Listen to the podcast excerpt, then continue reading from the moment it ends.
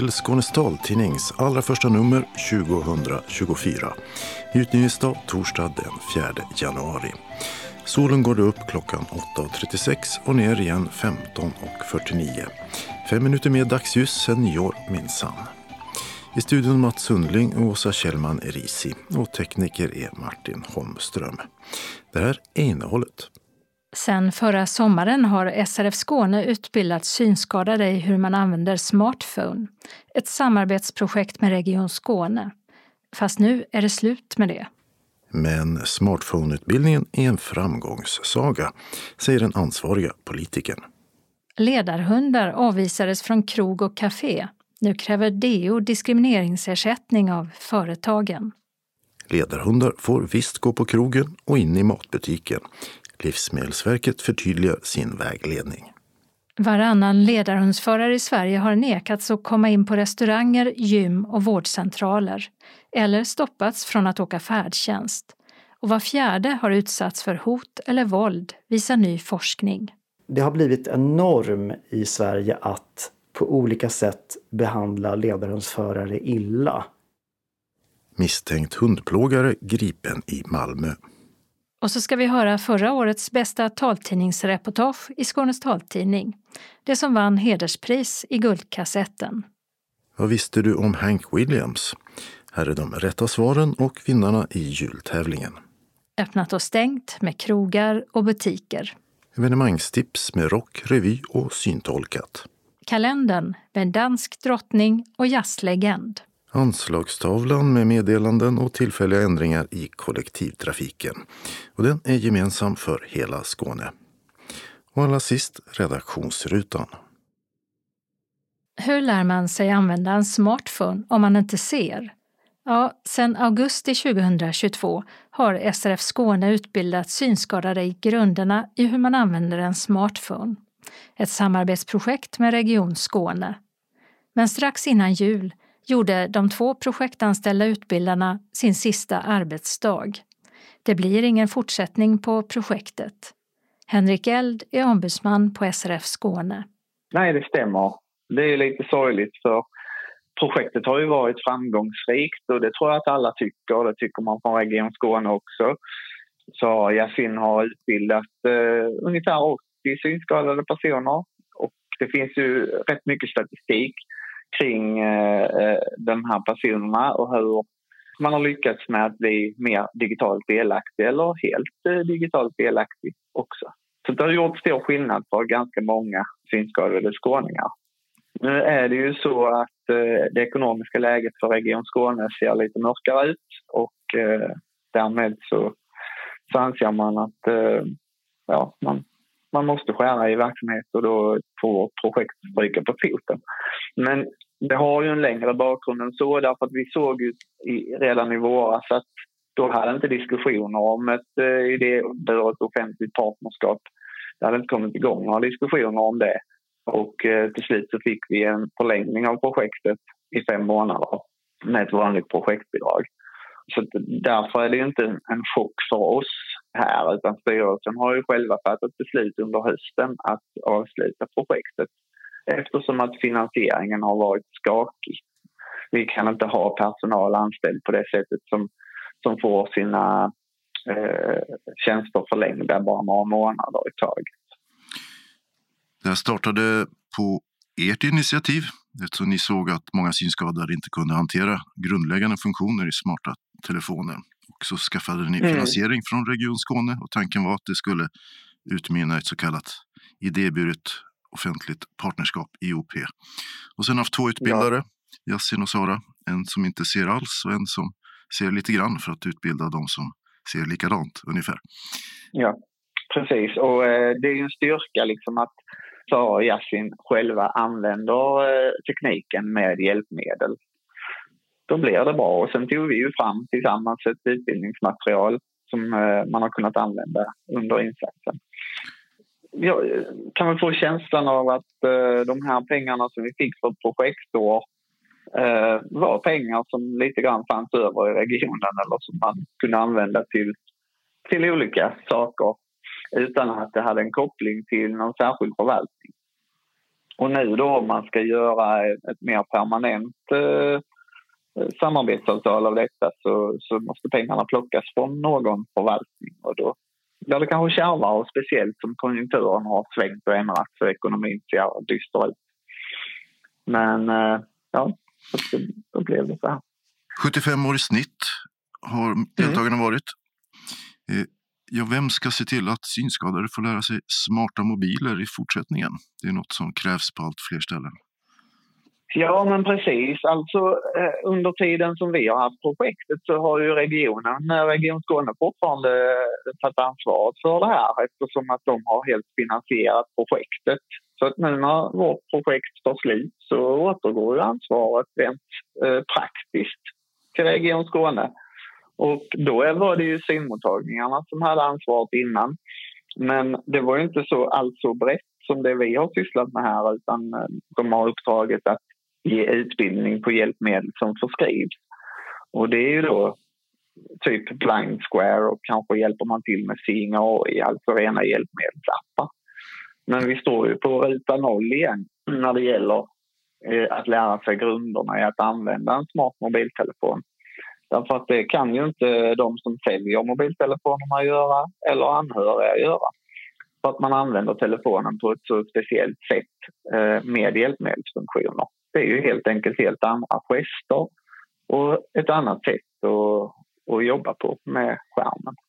Ja, vad händer om eh, det återgår till hur det var innan projektet? Att det är ingen som, om jag förstått det rätt, ingen som utbildar i grundfunktionerna i hur man överhuvudtaget använder en smartphone för den som inte ser. Mm. Nej, det blir, ju, det blir ju svårt att lära sig då helt enkelt. Så eh, vi hoppas ju på en annan lösning och eh, vi ser ju ändå en, en öppning därför att eh, Komsyn tog kontakt med oss i december och eh, ville komma och besöka projektet. Så att det kom två personer som jobbar på Komsyn och eh, satt med under varsitt utbildningspass och fick ta del av vårt material, hur vi jobbar och dokumenterar under utbildningsinsatsen och så vidare. Och eh, Komsyn är ju då alltså intresserad av att få uppdraget att ge grundutbildning på att använda smarta mobiler för synskadade. Och Komsyn är då en del av Region Skåne, ska vi tillägga. Ja, det är det. Och de finns i Lund och sysslar bland annat med datorsidan för synskadade och utbildar på det. Det tycker vi är en eh, bra lösning om det är så att Komsyn får det här uppdraget.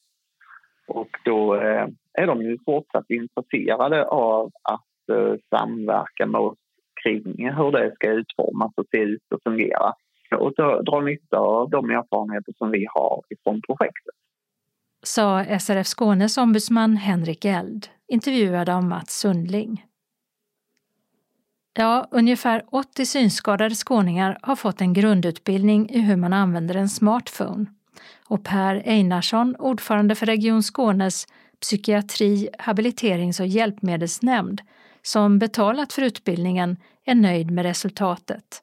Men någon fortsättning blir det inte, åtminstone inte i samma form som hittills.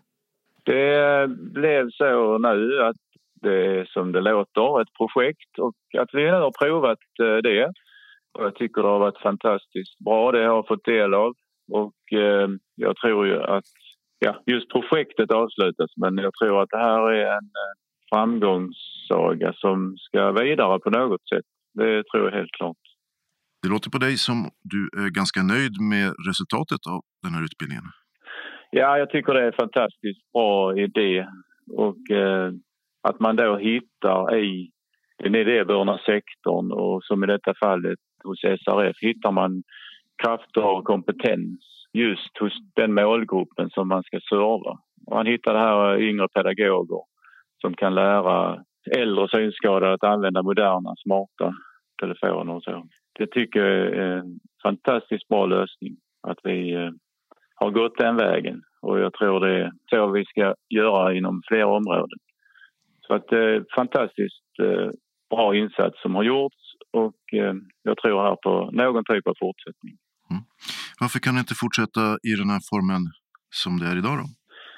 Jag tänker ju att bara man hör ordet projekt så eh, blir det ju ofta lite med en kortare period för att testa någonting. Och det var väl det också vi vill göra här tillsammans. Sen tror jag mer på långsiktiga insatser och det är väl det vi måste titta på här. Och när vi utvärderar och ser resultat så ska man också titta hur, hur kan man få det här långsiktigt att fungera. Ja, vad tänker du då? Jag tänker dels är det viktigt med dialogen med våra verksamheter, Region Skånes verksamheter. Vi har till exempel Komsyn. Att de också är med i detta och jag har förstått att de har tittat på det och är nyfikna på det. Och, eh, att vi då tillsammans hittar en bra väg fram. Så tänker jag. Hur skulle den se ut?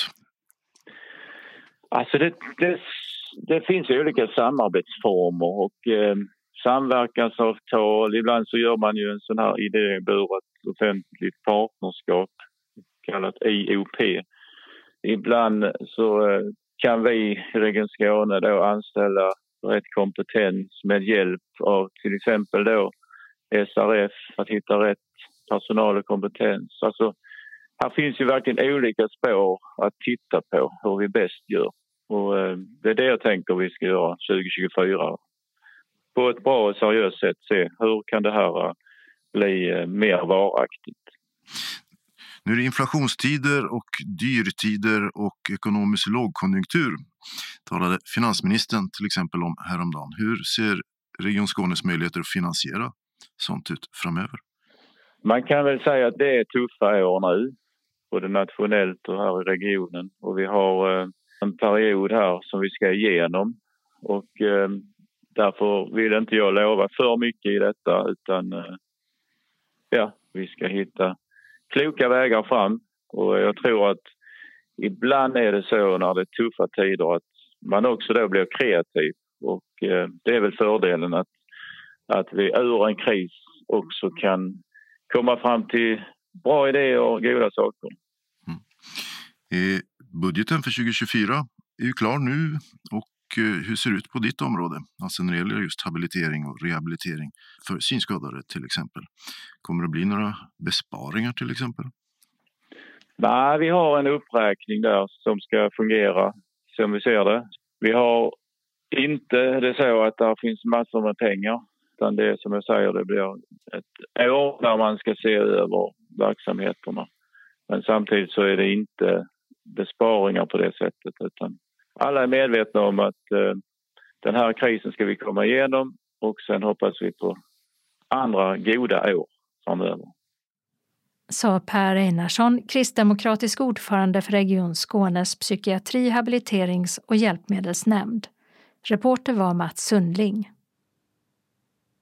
Diskrimineringsombudsmannen DO krävde strax innan jul tre företag på diskrimineringsersättning för att de avvisat två ledarhundsförare och en med assistanshund. Ledarhundarna nekades komma in på ett café respektive en restaurang. Och assistanshunden fick inte komma in i en livsmedelsbutik som tillhör en större kedja. DO menar att samtliga tre händelser utgjorde diskriminering som har samband med funktionsnedsättning. I ett pressmeddelande skriver de att generella hundförbud inte kan tillämpas på personer med assistans och ledarhundar. Det innebär ett särskilt missgynnande.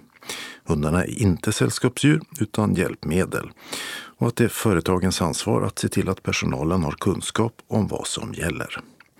Nu begär alltså DO att de tre företagen betalar ersättning till de drabbade. Företagen har på sig till den 15 januari att svara. Sen kan DO lämna in en stämningsansökan.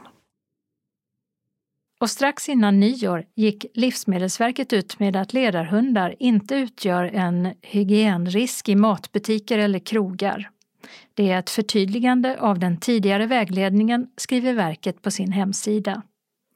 Huvudregeln är att hundar av hygienskäl inte tillåts komma nära livsmedel.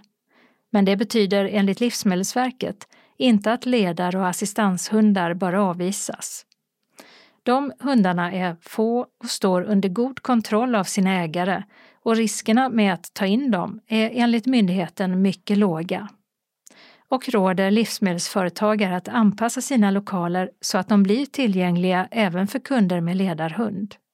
Livsmedelsverkets förtydligade vägledning är en del av ett regeringsuppdrag som de haft tillsammans med Diskrimineringsombudsmannen. Och strax innan de beskeden kom en undersökning om ledarhundar som vi ska höra mer om nu. Att nekas komma in på restauranger, gym och vårdcentraler och inte få åka med färdtjänsten. Ja, det är vardag för många ledarhundsekipage i Sverige. Nära hälften har drabbats. Medan uppemot var fjärde har utsatts för hot, hat eller våld. Det visar en masteruppsats i sociologi vid Göteborgs universitet av Finn Hellman, själv ledarhundsförare och blind. Diskrimineringslagen måste tillämpas, men förarna måste också bli bättre på att kräva sin rätt, menar Finn Hellman som samlat uppgifter från 215 assistans och ledarhundsförare.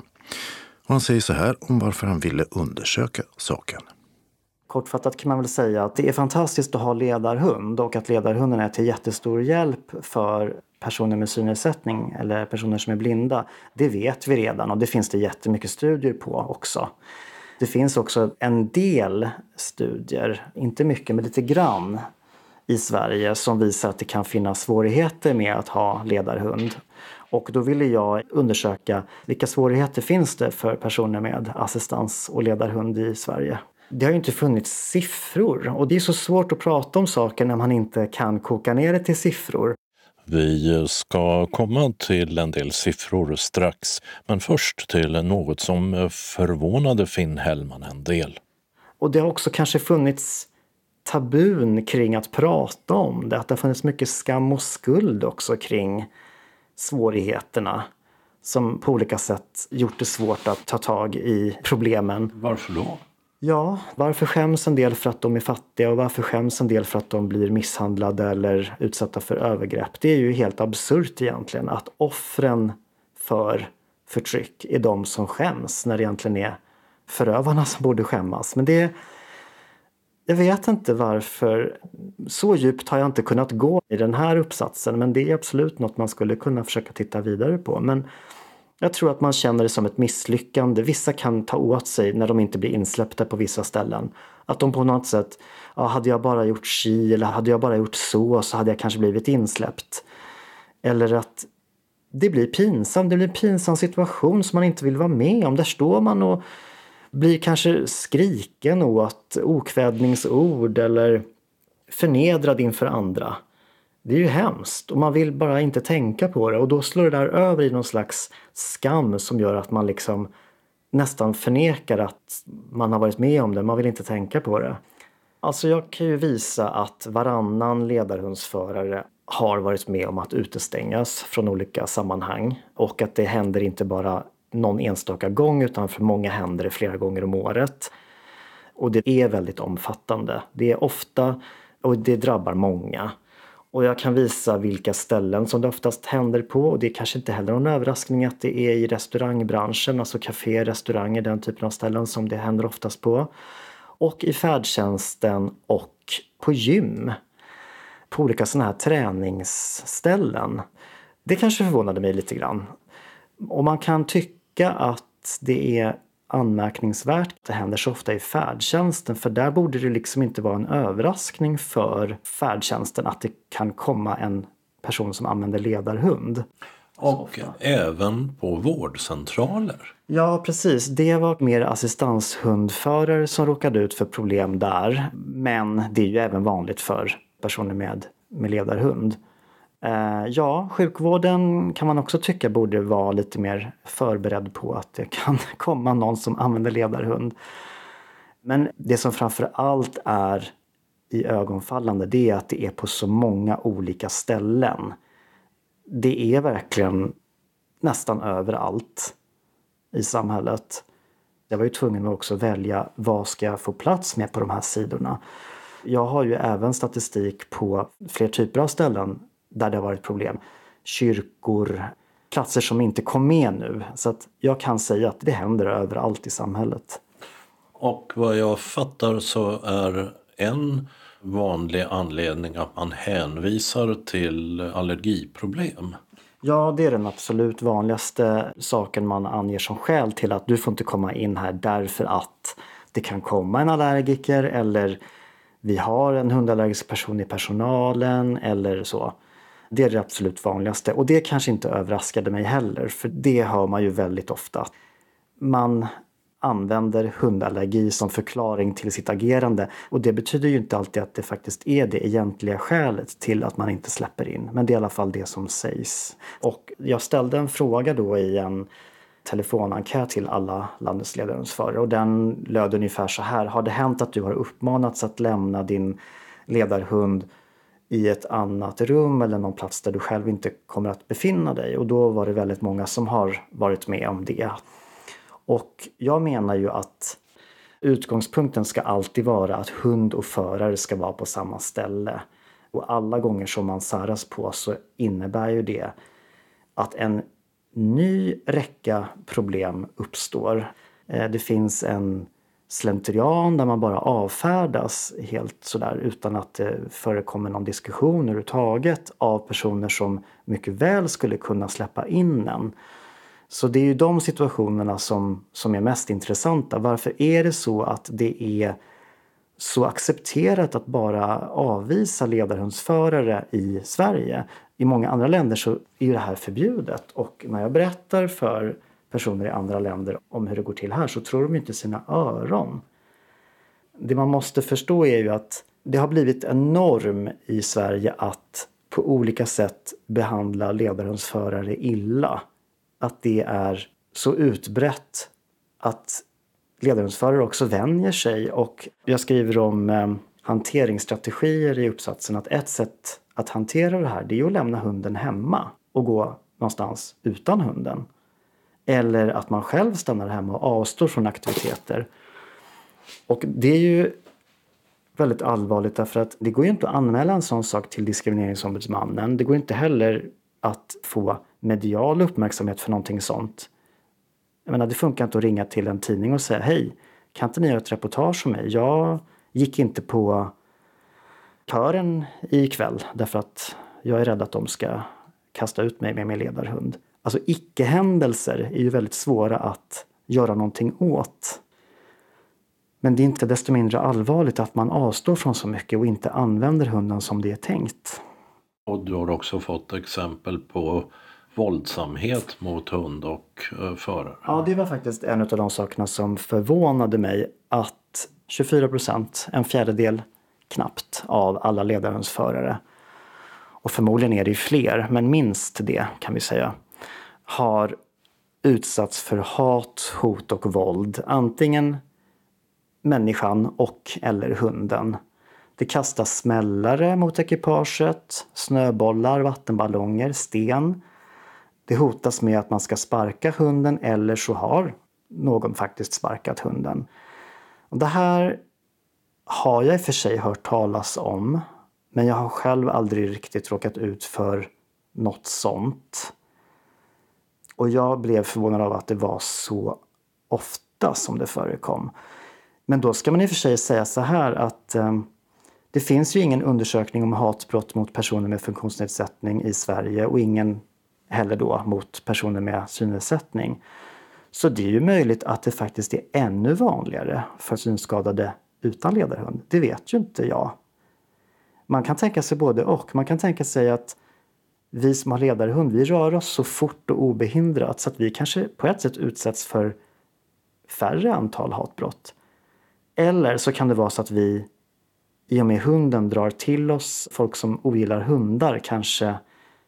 Alltså det där vore ju väldigt intressant att fortsätta undersöka.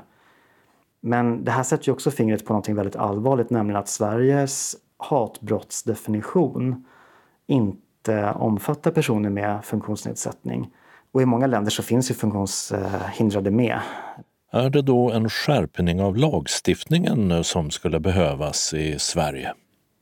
Alltså antingen en tydligare tillämpning av nuvarande lagstiftning. För att Diskrimineringsombudsmannen de menar ju att ledarhundsförare inkluderas i den nuvarande diskrimineringslagen och borde skyddas. Det är bara det att det är ju ingen som upplever sig skyddad. Så att jag tror att det krävs en dom och jag tror också att det krävs att det informeras mer om att den här lagen även omfattar ledarhundsförare. Och jag tror också att ledarhundsförare själva eller synskadeorganisationer behöver jobba med att utbilda ledarhundsförare om diskriminering, vad det är, hur man kan agera i olika situationer. Medvetandehöja, peppa ledarhundsförare att ta plats och inte vika ner sig. Att inte gå med på de här olika kränkningarna. Det skulle behövas också. Så jag hoppas nu att den här nya huvudmannen, eh, Myndigheten för delaktighet, att de i sina kurser faktiskt lägger mer krut på den här typen av utbildning än vad som har funnits tidigare. Sa Finn Hellman. Och som vi hörde tidigare så kan DO nu tänka sig att gå till domstol med ärenden angående att ledar eller assistanshundekipage nekats tillträde till olika lokaler. Hellmans uppsats heter Hindrad om negativt bemötande av assistans och ledarhundsförare och den kan laddas ner från hemsidan www.ub.gu.se. Och den går också att få i punktskrift från MTM. Onsdag den 10 januari klockan 19 föreläser Finn Hellman på Zoom i Sveriges ledarhundsförares regi. Och det finns möjlighet att ställa frågor. Länken dit finns på hemsidan ledarhund.nu. Och den 22 januari klockan 14 föreläser han på Teams i Synskadades riksförbunds regi. Länk till den finns via hemsidan srf.nu och vid bägge tillfällena är alla välkomna att delta, inte bara medlemmar. Reporter var Dodo Parikas. I flera år har någon lagt ut vassa föremål, ofta inbakade i små bullar, som skadat flera hundar i Malmö. Men i torsdags greps en kvinna i 75-årsåldern i Ögårdsparken på Jägersro efter att ett vittne sett henne kasta ut något på marken och larmat polisen. Efter att vittnet konfronterade den äldre kvinnan så plockade hon upp föremålen igen. Och när polisen kom till platsen fann de glasbitar och en degmassa i kvinnans väska. Polisen hittade också glasbitar på marken. Den äldre kvinnan anhölls senare misstänkt för grovt förgöringsbrott, något som hon nekar till. Dagen efter beslöt åklagaren att häva anhållandet och kvinnan släpptes fri, men är fortsatt misstänkt. Polisen har också gjort en husrannsakan i kvinnans bostad. Så ska vi höra 2023 års allra bästa reportage i Skånes taltidning. Det vill säga det inslag som vann hederspris i Guldkassetten. Reportaget heter Att måla före och efter gula fläcken och handlar om konstnären Staffan Björlin som målat i större delen av sitt liv. Och när synen började bli sämre för tio år sedan ändrade han också på sitt sätt att måla. Vi träffade honom i hemmet i Ängelholm strax innan en vernissage i våras. Sätt på Sven-Bertil Taube. Ja, visst. Här är Sven-Bertil Taube på Spotify. Så skimrande var aldrig havet och stranden aldrig så befriande Fälten, ängarna och träden aldrig så vackra och blommorna aldrig så ljuvligt doftande Det här är musik som du kanske kommer ha när din utställning visas. Ja, jag tycker det passar bra. För att, eh, ja, han hade ju också problem med ögonen. Så det blir som en tråd där. Jag har problem och han och så många andra har problem med ögonen. Så det kan bli bra. Sven-Bertil Taube. Ja. Min farbror hette Ulf Björlin. Och de spelade ihop på Gröna Lund. Då. Och då sjunger han sin pappa. Hans pappa Evert var ju med också ibland. Så det tycker jag passar bra. Det är många kopplingar. Ja, det är det. Det är roligt. I utkanten av Ängelholm bor Staffan Björlin i ett gulteglat radhus tillsammans med sin fru Lillan och hunden Assi, en labrador som för tillfället är ute på promenad. I det här hemmet så är det mycket konst och musik som gäller. Och överallt längs väggarna hänger tavlor. Och egentligen är det bara en stor tavla som sticker ut mot de andra, när vi går en trappa ner från hallen. Nu har vi kommit ner i vardagsrummet och väggarna de är fulla här av målningar.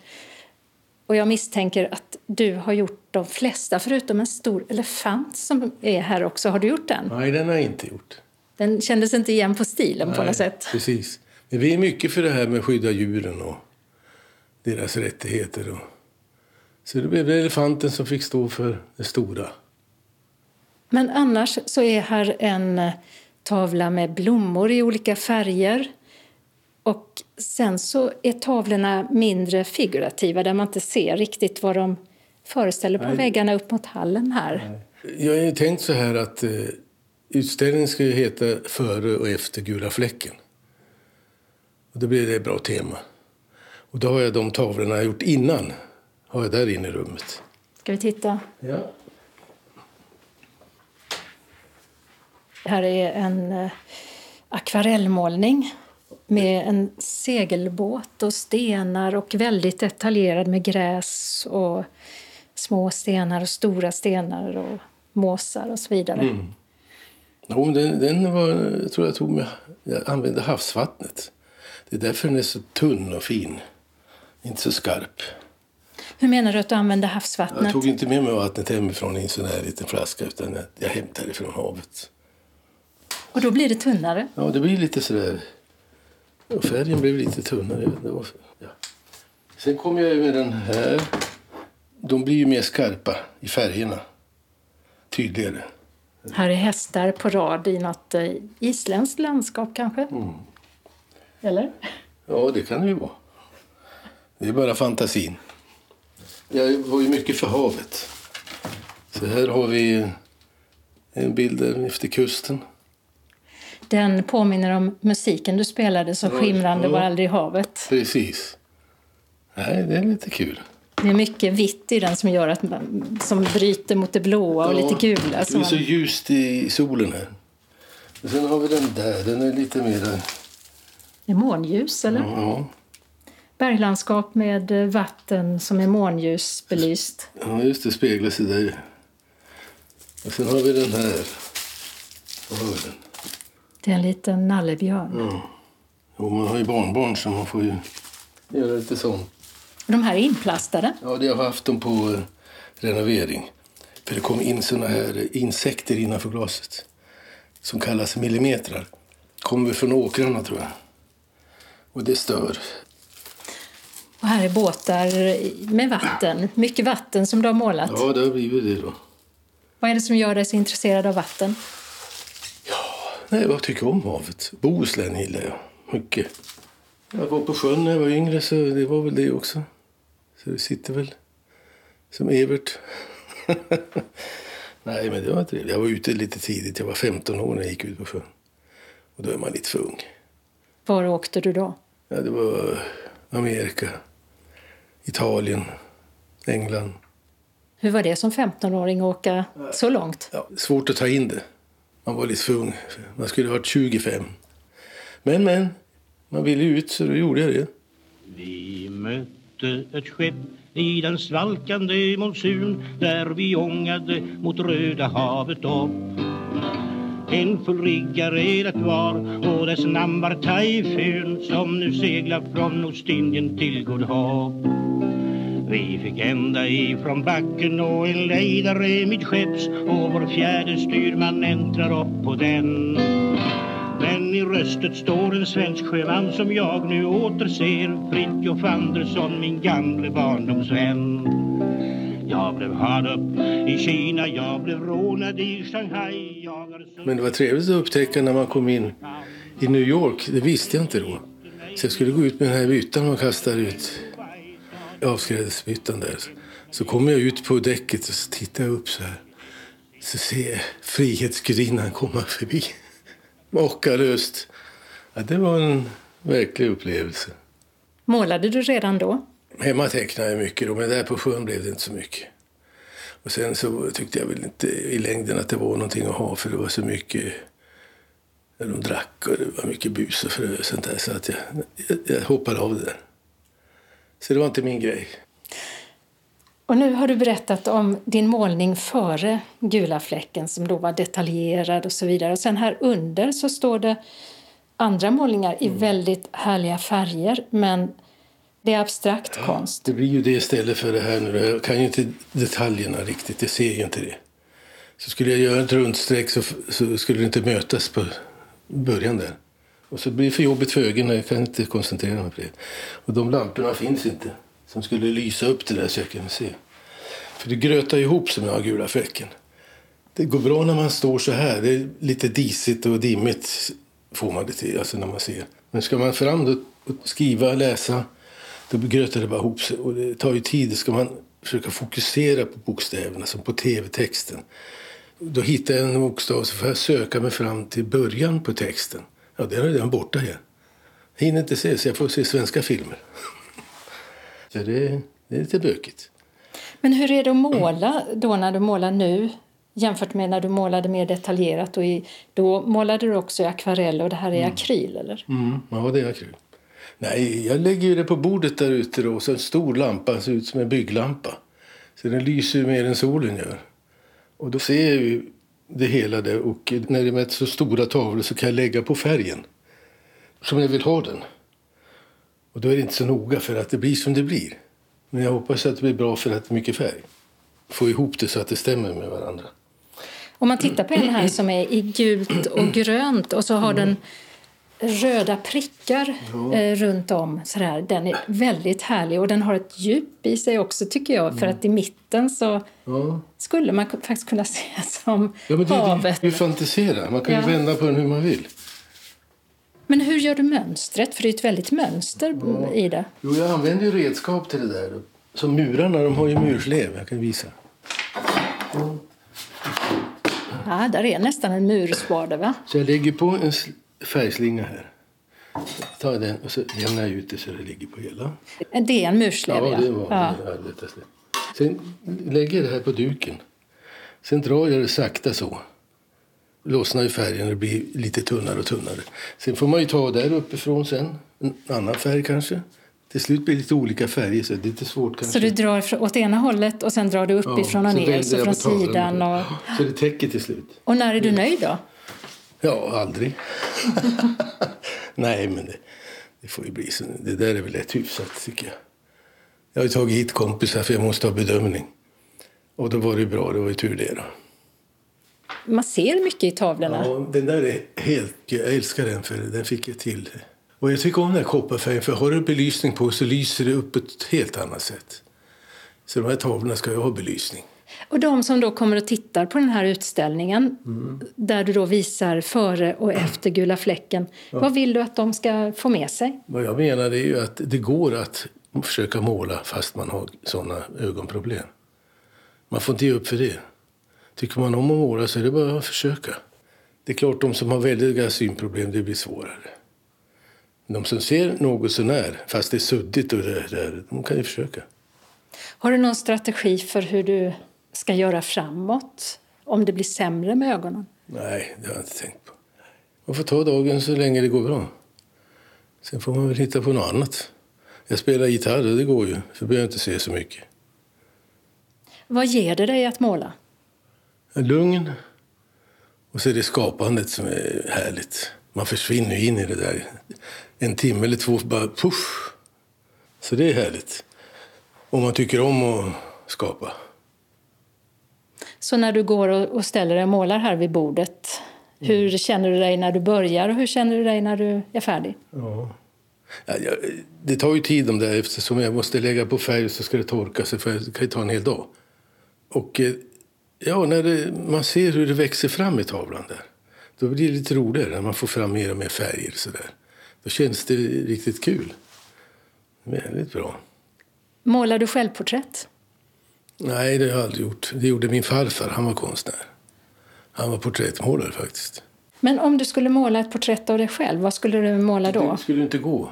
Men jag ser inte på det sättet, spegel eller så. Det blir abstrakt.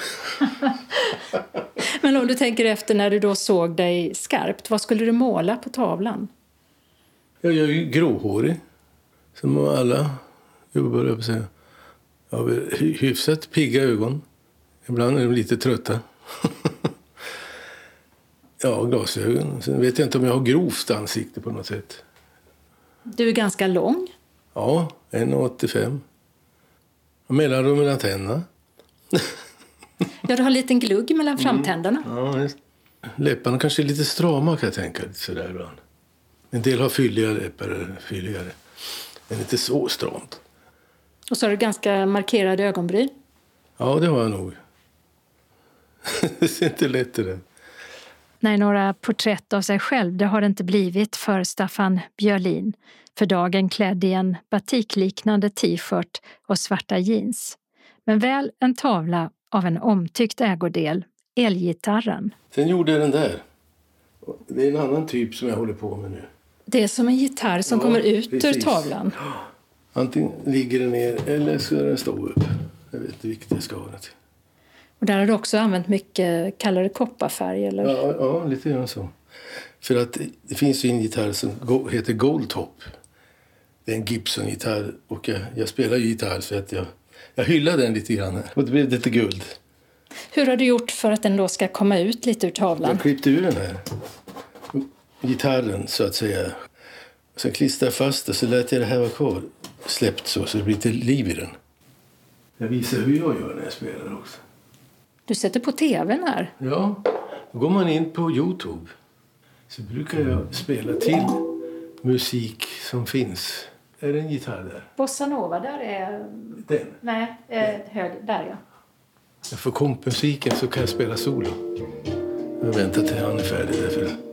Och då kan du ta vid. Ja, precis.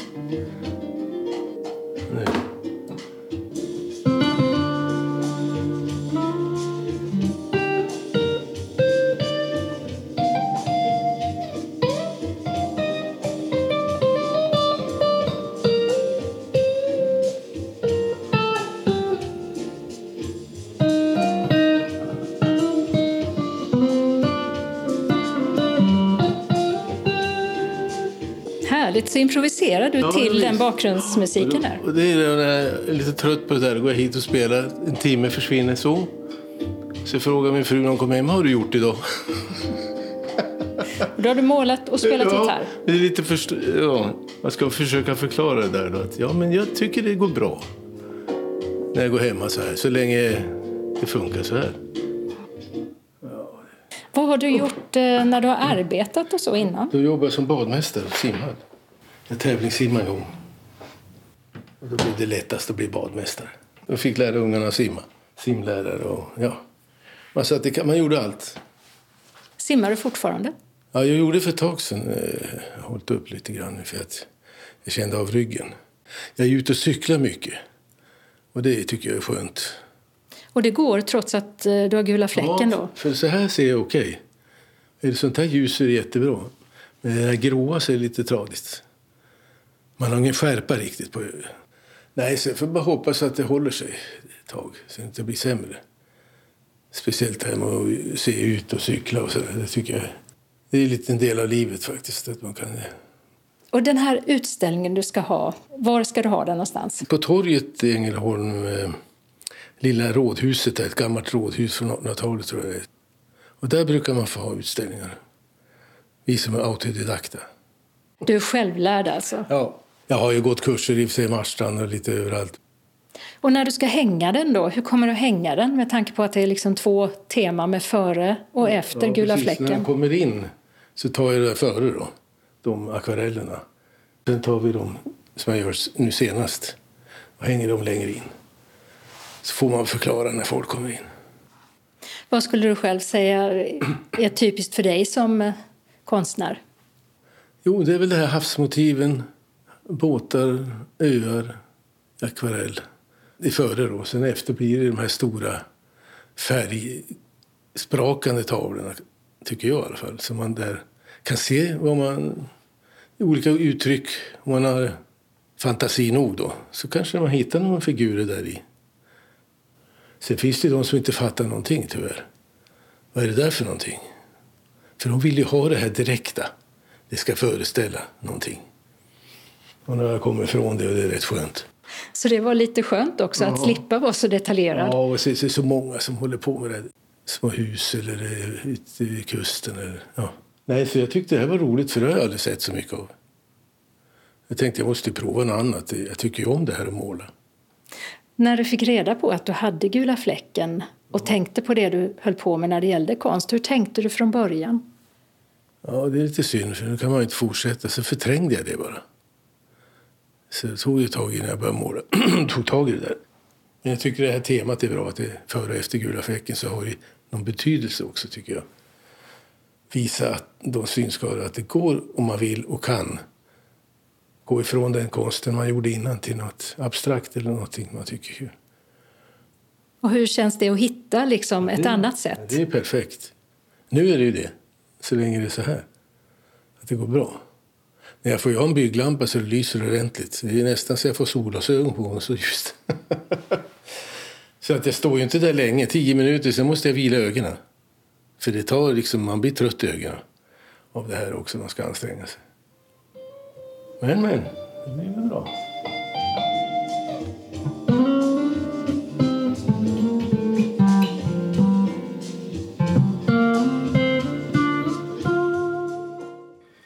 Vi hörde Åsa Kjellman Erisis porträtt på konstnären Staffan Björlin som Guldkassetten-juryn med journalisten Stig Fredriksson i spetsen alltså belönade med ett hederspris i tävlingen om årets bästa taltidningsreportage. Då har det blivit dags att höra svaren och dra vinnarna i vår jultävling som hade countrylegendaren Hank Williams som tema. Här hör vi honom sjunga Your cheating heart. Cheating heart will make you weep. You'll cry and cry and try to sleep, but sleep won't come. I den första frågan undrade vi vilken stad i Tennessee som brukar kallas countrymusikens huvudstad. Och rätt svar är Nashville, ett kryss. I fråga två handlar det om en svensk sångerska som sänt ett eget tv-program från sin veranda i just Nashville. Tv-programmet heter Gills veranda och rätt svar är då Jill Johnson, en etta i fråga två. I fråga tre sökte vi namnet på ett världsberömt radioprogram från Nashville inriktat på countrymusik. Premiärsändningen skedde redan 1925 och rätt svar är Grand Ole Opry, ett kryss i fråga 3. I den fjärde frågan hörde vi Elvis sjunga en Hank Williams-låt, I'm so lonesome I could cry, på en världsberömd konsert. Hear that lonesome whippoorwill. He sounds too blue to fly. A midnight train is whining low. I'm so lonesome um, I could cry. Den här konserten satellitsändes över delar av världen och släpptes även på skiva 1973. Och den kallades inte Hello from Honolulu, inte heller Greetings from Gran Canaria, utan Aloha from Hawaii. En tvåa i fråga fyra. Sen sökte vi en svensk basbariton som sjöng en svensk tolkning av Hank Williams låt I can't help it if I'm still in love with you. Det finns så mycket som är glömt men det vackra har jag gömt. Kan jag hjälpa att jag älskar dig ännu? Det var Kan jag hjälpa att jag älskar dig ännu från 1969 och sångaren besökte det var Gunnar Wiklund, en etta i fråga 5. I fråga 6 undrade vi i vilken stad Hollywood Walk of Fame med sina tusentals plattor i trottoaren med stjärnor inom bland annat film, musik och teater finns. Och rätt svar är Los Angeles. Stjärnorna finns längs gatorna Hollywood Boulevard och Vine Street. Det blir alltså en tvåa i fråga 6. I sjunde frågan hörde vi Hey Good Lookin' som Hank Williams skrev 1951.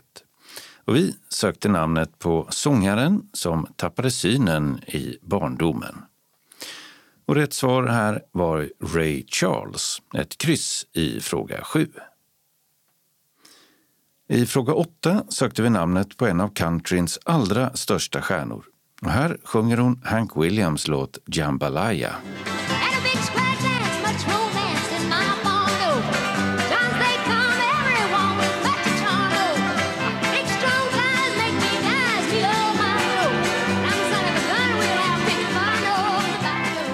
Och detta det var ju Dolly Parton, vilket ger ett kryss i fråga 8. Och även i nionde frågan sökte vi en sångare. I tried so hard, my dear, to show that you're my every dream. Yet you're afraid each thing I do is just some evil scheme. A memory from your lonesome past keeps us so far apart. Why can't I free your doubtful mind and melt your cold, cold heart? Och detta, det var Tony Bennett som gick bort i somras 96 år gammal och alltså född endast ett par år senare än Hank Williams. Och rätt svar, Tony Bennett, ger en tvåa i fråga 9. Och I tionde och sista frågan hörde vi Hank Williams son Hank Williams Jr sjunga en klassisk jullåt. Och det var Little Drummer Boy, alltså ett kryss i fråga 10. Och det ger oss följande rätta rad.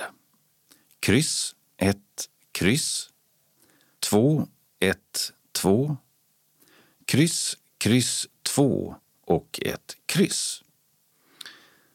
Och då är det dags för dragning.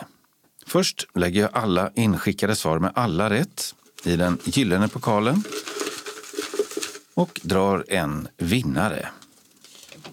Första pris, som förutom den stora äran också är en ljudbok eller musik-CD i normalprisklassen, går till Kerstin Persson i Helsingborg. Stort grattis! Andra priset, som också är en ljudbok eller musik-CD i normalprisklassen, lottar vi ut bland alla som skickat in, oavsett antal rätt. Och det går till Josef Nejadnik, Göteborg. Grattis! Och ett tredje pris ska vi också dra. En mugg eller t-shirt med vår stiliga logga på. Och det går till Conny Jansson i Ängelholm. Grattis! Det var tio svar på frågorna med Hank Williams som tema. Vi säger grattis igen till vinnarna och ett tack till alla som var med och tävlat. Tävlingsredaktör var Martin Holmström. Öppnat och stängt. I Höganäs har Linnebutiken öppnat på Humlegatan 2B. Och där syr och säljer man kläder i just det materialet. Utanför Ängelholm har gårdsbutiken Sandgårdens skafferi flyttat från Magnarps byaväg i Vejbystrand till Valhalls slott nära flygplatsen och på Barkåkravägen. Lokalodlade och lokalproducerade livsmedel säljer de nu också, fast med det nya namnet Skafferiet på slottet. I Lomma har den italienska restaurangen La Greppia gått i konkurs sex år efter öppnandet på Kajgatan 6. I Malmö har den mexikanska restaurangen Maya stängt. Den låg på Drottninggatan 36 och innan dess på Spångatan. Evenemangstips. Filmen Hammarskjöld, som hade premiär på juldagen, har fått syntolkning för bio. Och filmen där Mikael Persbrandt spelar Dag Hammarskjöld handlar om Dag Hammarskjölds liv, inte minst som FNs generalsekreterare under början av 1960-talet och där Hammarskjöld tar på sig det i många ögons hopplösa uppdraget att mäkla fred under kalla kriget och där Kongo spelar en stor roll. En annan film som fått syntolkning för bio är familjefilmen Bamse och världens minsta äventyr. Nalle-Maja är på picknick med familjen men ingen verkar vilja leka med henne. Men när hon råkar få i sig XYZ-saft som gör henne pytteliten förändras allt. Men frågan är också om de andra ska hitta henne. De svenska rösterna görs av Rolf Lassgård, Johan Glans och Johan Ulveson. Sen några veckor tillbaka är det möjligt att låna en gitarr på en del bibliotek i Skåne och övriga landet. Det är STIM som i ett led i sitt 100-årsfirande har skänkt 100 gitarrer som nu ska lånas ut. De bibliotek i Skåne som fått en gitarr att låna ut är Arlövs bibliotek, biblioteken i Malmö, Bromölla, Helsingborg, Hässleholm, Hör, Sjöbo, Skanör och Ängelholms bibliotek. Öka tillgängligheten till musik och musikskapande är en tanke bakom den här insatsen. Eslövsrevyn har premiär för sin årligt återkommande revy den 13 januari klockan 19.30 till 22.30 på Medborgarhuset i Eslöv. Och sen spelar de en föreställning på fredagar klockan 19.30 och två föreställningar på lördagar klockan 15.30 och klockan 19.30 varje helg fram till och med den 10 februari. Och varje år bjuder de också in en speciell gästartist. I år är det komikern Lena Frisk som är gästartist. Biljetterna säljs av Nortic eller eslövsrevyn.se. Och vill man ringa till Eslövsrevyn och beställa biljetter är telefonnumret 072 388 7331. Biljetterna kostar från 120 kronor och uppåt. På Landskrona teater spelar Hederosgruppen jazzinspirerad musik den 1 februari klockan 20. Gruppen består av fem musiker och alla skriver de låtar till bandet. Deras senaste skiva kom 2022, Ståplats, och har vunnit samtliga tre stora svenska jazzpriser. Gyllene skivan, Manifest och Grammis. Biljetterna som säljs av Tixter kostar 300 kronor.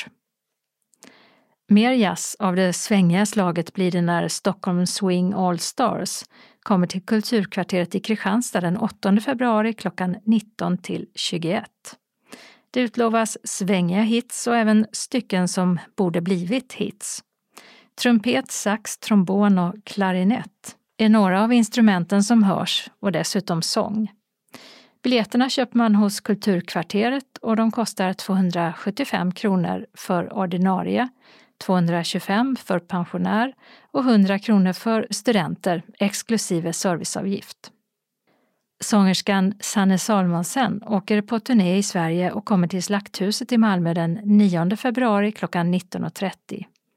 Biljetterna säljs av Kulturbolaget och kostar från 495 kronor. Dörrarna öppnas klockan 18. Och dagen därpå, den 10 februari, är hon på CU i Helsingborg klockan 19 där biljetterna kostar 595 kronor och det går att beställa till middag om man vill det. Live Nation säljer biljetterna. Den kanadensiska rocktrion Danko Jones kommer till Sverige på turné i februari och mars med två stopp i Skåne.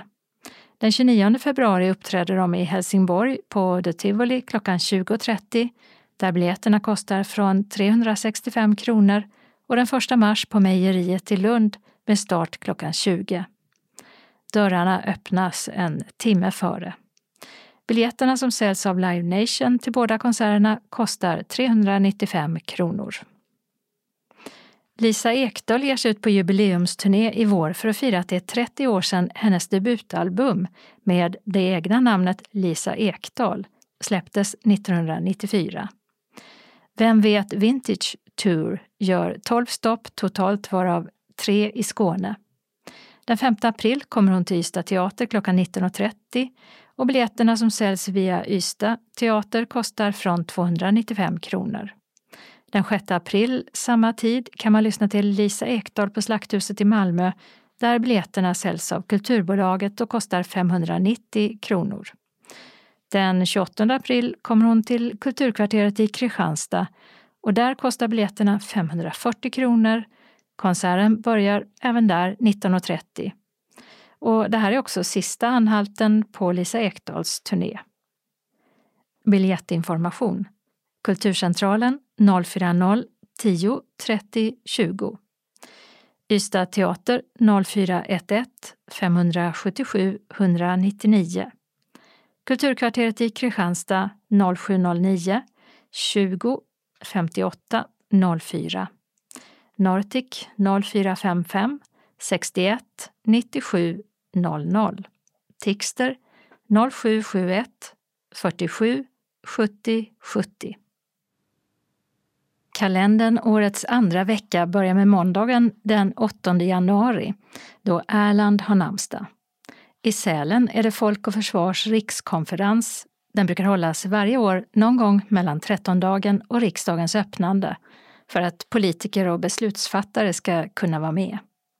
Och ämnen som tas upp är säkerhetspolitik, försvar och samhällets krisberedskap bland annat. Vill man följa konferensen går det att göra gratis via Youtube och hemsidan Folk och Försvars rikskonferens. I den norra delen av Grekland hålls den så kallade Gynaikokratia-festivalen. En festival med gamla anor där män och kvinnor för en dag byter roller. Männen stannar hemma och sköter hushållet medan kvinnorna är ute och dansar och går på café.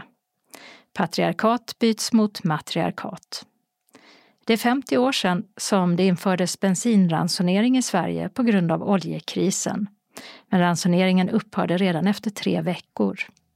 Och för 60 år sedan lämnades ett upprop med 2,2 miljoner namnunderskrifter för att bevara kristendomsundervisningen i gymnasieskolan in till regeringen.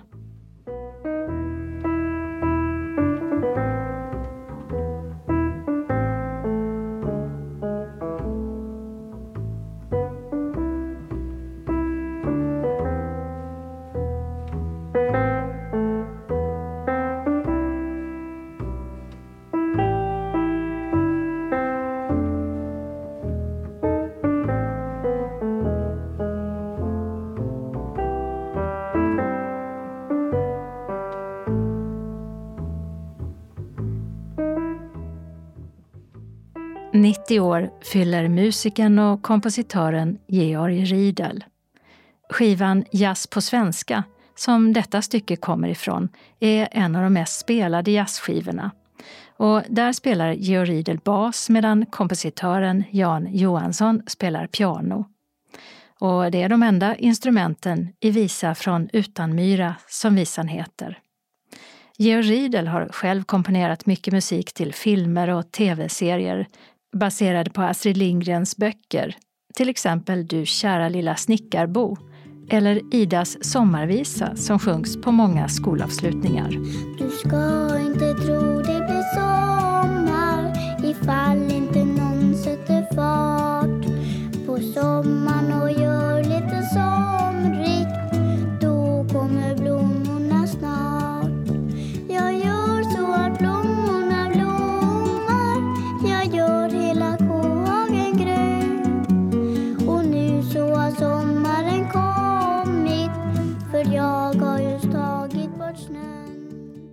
Före detta fotbollsspelaren Hanna Ljungberg fyller 45 år. Hon var bland annat med och tog VM-silver med damlandslaget 2003. Och har också vunnit allsvenskan många gånger med Umeå IK. En av flera utmärkelser som Hanna Ljungberg fått, det var Diamantbollen 2002. Och samma år vann hon damallsvenskans skytteliga med 39 mål på 22 matcher. Tisdagen den 9 januari har Gunnar och Gunder namnsdag och den brittiska gitarristen Jimmy Page, som spelade i Led Zeppelin, fyller 80 år. Onsdagen den 10 januari har Sigurd och Sigbritt namnsdag. Det är 20 år sedan det så kallade Knutbydramat i uppländska Knutby som ledde till att Alexandra Fossmo blev mördad av barnflickan i familjen och för anstiftan till mordet dömdes Helge Fossmo. Det blev ett mycket uppmärksammat mordfall och häromåret kom en dramaserie om händelserna i den frikyrkliga miljön i Knutby. Och nyligen påbörjades inspelningarna av säsong två av tv-serien. För 120 år sedan återvände den första svenska Antarktisexpeditionen som leddes av Otto Nordenskjöld till Stockholm. Expeditionen inleddes redan 1901. Antarktis var till stora delar outforskad och trots många svårigheter och problem så ansågs det vara en stor vetenskaplig framgång. Torsdagen den 11 januari är det Jan och Jannike som har namnsdag. Det är 50 år sedan den svenska riksdagens högtidliga öppnande hölls för sista gången i rikssalen på Stockholms slott. Från och med året därpå hålls öppnandet istället i riksdagshuset. Fredagen den 12 januari har Frideborg och Fridolf namnsdag.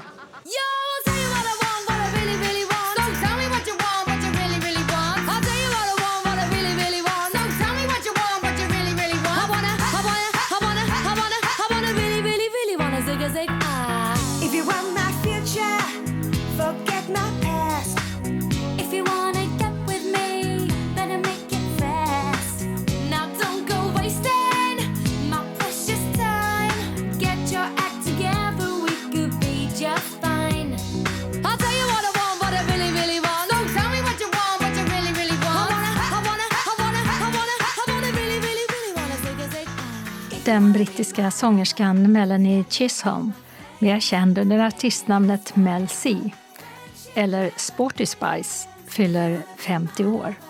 Och hon var alltså en av medlemmarna i gruppen Spice Girls.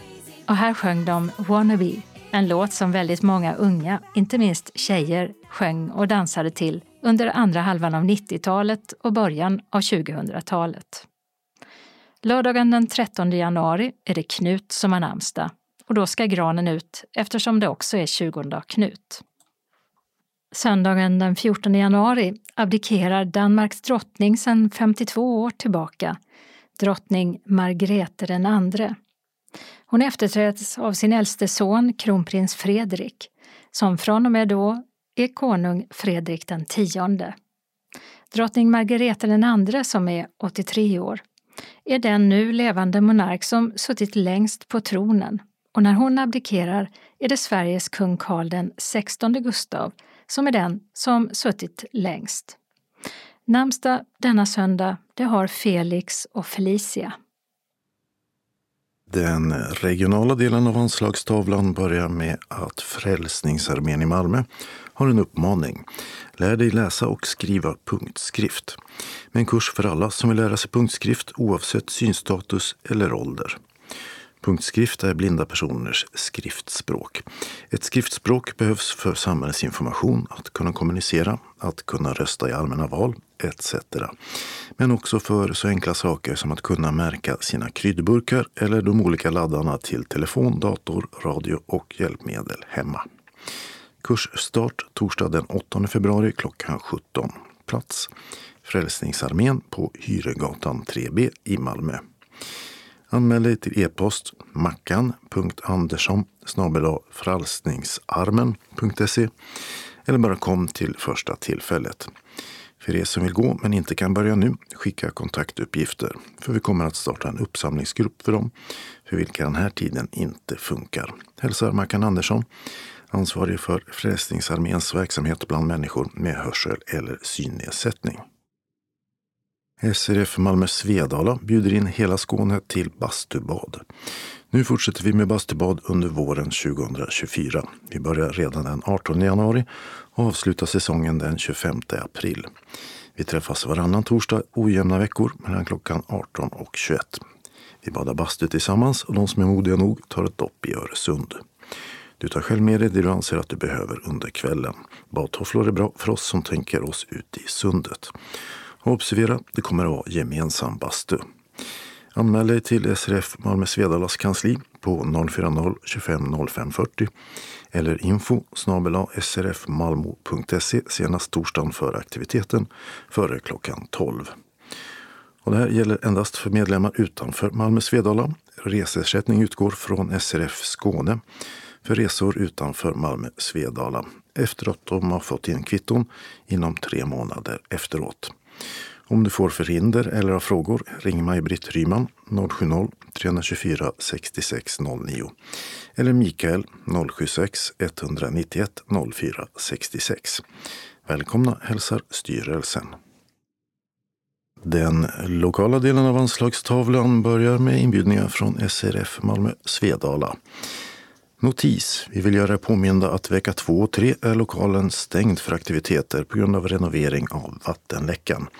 Men kansliet kommer att svara i telefon och på mejl precis som vanligt. Hoppas på förståelse, hälsar styrelsen. SRF Malmö Svedala har också ett studieprogram för vårterminen 2024. Måndag eftermiddagar klockan 13.45 till 17 med start måndag den 15 januari blir det keramik i ABFs lokal på Porslinsgatan 3 till 5. Och den leds av Matteo. Du får lära dig att använda leran och dreja eller kanske vill du hellre använda fantasin och trycka eller kavla ut den till olika föremål. Cirkeln genomförs i samarbete med ABF. Priset är 600 kronor för 15 träffar och du betalar själv för den lera du förbrukar. Tyvärr hinner vi inte skicka bekräftelse och inbetalningskort innan kursen startar, men den kommer snarast. Vävning blir det tisdag förmiddagar klockan 9.30 till 12 med start tisdag den 9 januari. Också den kursen hålls i ABFs lokal på Porslinsgatan och den leds av Lydia. Priset för kursen är 390 kronor för 13 träffar och du betalar själv för materialet. Inte heller här hinner vi skicka ut bekräftelse och inbetalningskort innan kursen startar, men så snart som möjligt därefter. Malmös historia är rubriken onsdag förmiddagar klockan 9.30 till 12 med start onsdag den 14 februari med ett uppehåll den 21 februari. Kursen leds av Jeanette Rosengren, författare och poddare och hålls i föreningslokal på Vännäsfridsgatan 13. Under kursen tar vi en fika med smörgås eller kaka för 10 kronor. Cirkeln genomförs i samarbete med ABF och priset är 300 kronor för 10 träffar. Onsdag eftermiddagar klockan 13 till 15.30 med start onsdag den 14 februari är rubriken Aktuellt i litteraturen. Cirkeln tar upp nya och gamla böcker som skrivits av både svenska och utländska författare. Och vi fördjupar oss i olika författare och leds av Camilla Kronholm. Kursen hålls i föreningens lokal och under kursen tar vi en fika med smörgås eller kaka för 10 kronor. Detta i samarbete med ABF. 300 kronor för 10 träffar. Torsdag eftermiddagar klockan 12.45 till 13.45 med start torsdag den 25 januari är det dags för cirkeln Medioga. Programmen består bland annat av medveten andningsträning, mjuka fysiska övningar, avslappning och meditation. Och cirkeln leds av Ira Gyllingberg. Kursen hålls i föreningens lokal och sker i samarbete med ABF. Pris 450 kronor för 15 träffar. Anmälan. Är du intresserad av en eller flera kurser så anmäl dig på telefon 040-25 05 40 eller mejla info srfmalmo.se. Kansliet öppnar igen efter julledigheterna måndag den 8 januari och sista dagen att anmäla sig är måndag den 22 januari. Före kursstarten skickas kallelse och inbetalningskort ut till alla anmälda. Varmt välkommen till en givande och trevlig kursgemenskap hälsar styrelsen. SRF Malmö Svedala välkomna sen till grötlunch. Fredag den 26 januari klockan 13 träffas vi för att äta hemlagad risgrynsgröt med saftsås i vår lokal på Wendelsfridsgatan 13 i Malmö. Avslutas med kaffe och en liten kaka. Färdtjänst hem kan beställas till klockan 14.45. Du betalar kontant på plats eller med swish till nummer 123 077 80 50. Glöm inte att skriva gröt och namnet på deltagaren vid betalningen. Är du medlem betalar du 50 kronor, övriga 70. Anmäl dig senast tisdag den 23 januari och glöm inte att anmäla allergi. Varmt välkomna hälsar styrelsen. SRF Västra Skåne bjuder in till onsdagsträff den 17 januari mellan klockan 13 och 15.30 i SRF-lokalen på Vaktgatan 3 i Helsingborg. Fikavgiften är 30 kronor och idag blir det bingo. Anmäl dig senast tisdag den 16 januari klockan 12 till kansliet 042 15 83 93 eller e-posta srfvastraskane srf.nu. Om du står på den fasta listan behöver bara meddela om du inte kan komma. Välkommen! SRF Ängelholm Båstad har en inbjudan till 13-dagskonsert med Helsingborgs symfoniorkester. Titeln är Från Balkan till Brahms och det blir musik av bland andra Bartok, Dvorak, Strauss och Brahms. Lördag den 6 januari klockan 13.45 till 17.45 i Helsingborgs konserthus. Vi står för dina reskostnader om du reser kommunalt med egen bil eller med färdtjänst. Annars utgår buss från Ängelholm. Anmälan tas emot snarast på telefon 0431 30 59 69. Måndag till torsdag mellan klockan 10 och 17. Eller via e-post till info srfeb.se. E. Anmälan är bindande och det är först till kvarn som gäller. Vi har 15 biljetter bokade. Berätta om du behöver ledsagning, om du vill åka med bussen dit och hem om du vill gå med ut och äta till självkostnadspris efteråt, men då går ingen buss hem. Deltagaravgiften är 350 kronor. Deltagare betalar samma och förväntas hjälpa två personer vid behov. Du betalar först när du fått en bekräftelse om att du fått biljett. Betalning sker till bankgiro 5972-8915 eller swisha till 123 130 72 14. Skicka in dina reskostnader snarast. Och för de som vill går vi gemensamt ut och äter på restaurang Mollberg efteråt. Då står du för dina egna kostnader. Har du några frågor är du välkommen att kontakta oss. Välkommen önskar styrelsen SRF Ängelholm Båstad. Vi avslutar med några tillfälliga ändringar i kollektivtrafiken.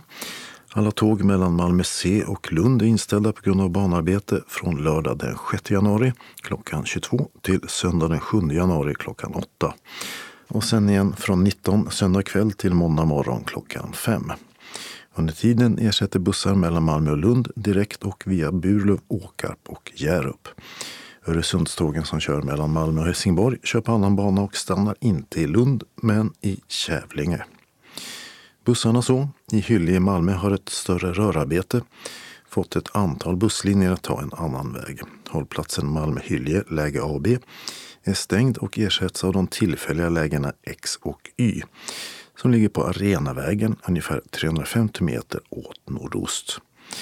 Där stannar stadsbuss 9 och 10 till den 12 januari klockan 15 och linje 6 ända till den 18 januari samma klockslag. Regionbuss 170 som brukar stanna på Hyllie läge E stannar till den 12 januari vid det tillfälliga läget Z. Också det på Arenavägen härifrån drygt 400 meter åt nordost. Stadsbuss 6 hållplats Hyllie vattenpark är också stängd med hänvisning till de tidigare nämnda lägena X och Y på Arenavägen som härifrån ligger cirka 200 meter norrut. Och stängd till sist är också hållplatsen Hylje-Rankan läge A som ersätts av en tillfällig stolpe 70 meter norrut på Hyljevångsvägen. Den 18 klockan 15 ska sexans vanliga hållplatser vara öppna igen. I Helsingborg började innan jul ett vägarbete som stängt hållplatsen Elineberg läge B. Stadsbussarna 3, 21, 24 och 25 stannar till den 31 januari klockan 17 vid en tillfällig stolpe 20 meter bakåt på Elinebergsvägen. Och I Lund slutligen ska ett V-arbete på Öresundsvägen fortsätta till den 30 augusti. Och det betyder att stadsbuss 2 hållplats Öresundsvägen fortsätter vara stängd med hänvisning till hållplatsen Åldermansgatan som ligger cirka 300 meter söderut på just Åldermansgatan. Hållplats Slottevägen läge B ersätts av läge A på samma hållplats som ligger 130 meter norrut på Slottevägen. Och med de beskeden var det dags att sätta punkt för årets första taltidning. Nästa nummer kommer nästa torsdag den 11 januari. Skånes taltidning ges ut av Region Skånes psykiatri och habiliteringsförvaltning. Ansvarig utgivare är Martin Holmström. Postadress Jörgen Ankersgatan 12, 211 45 Malmö. Telefon 040-673 0970. E-post Skanes taltidning skane.se och hemsida skanestaltidning.se. Observera att CD-skivorna inte ska skickas tillbaka till oss. Såväl skivor som kuvert kan läggas i brännbara sopor när ni inte längre vill ha dem. Vi hörs igen. Hej då!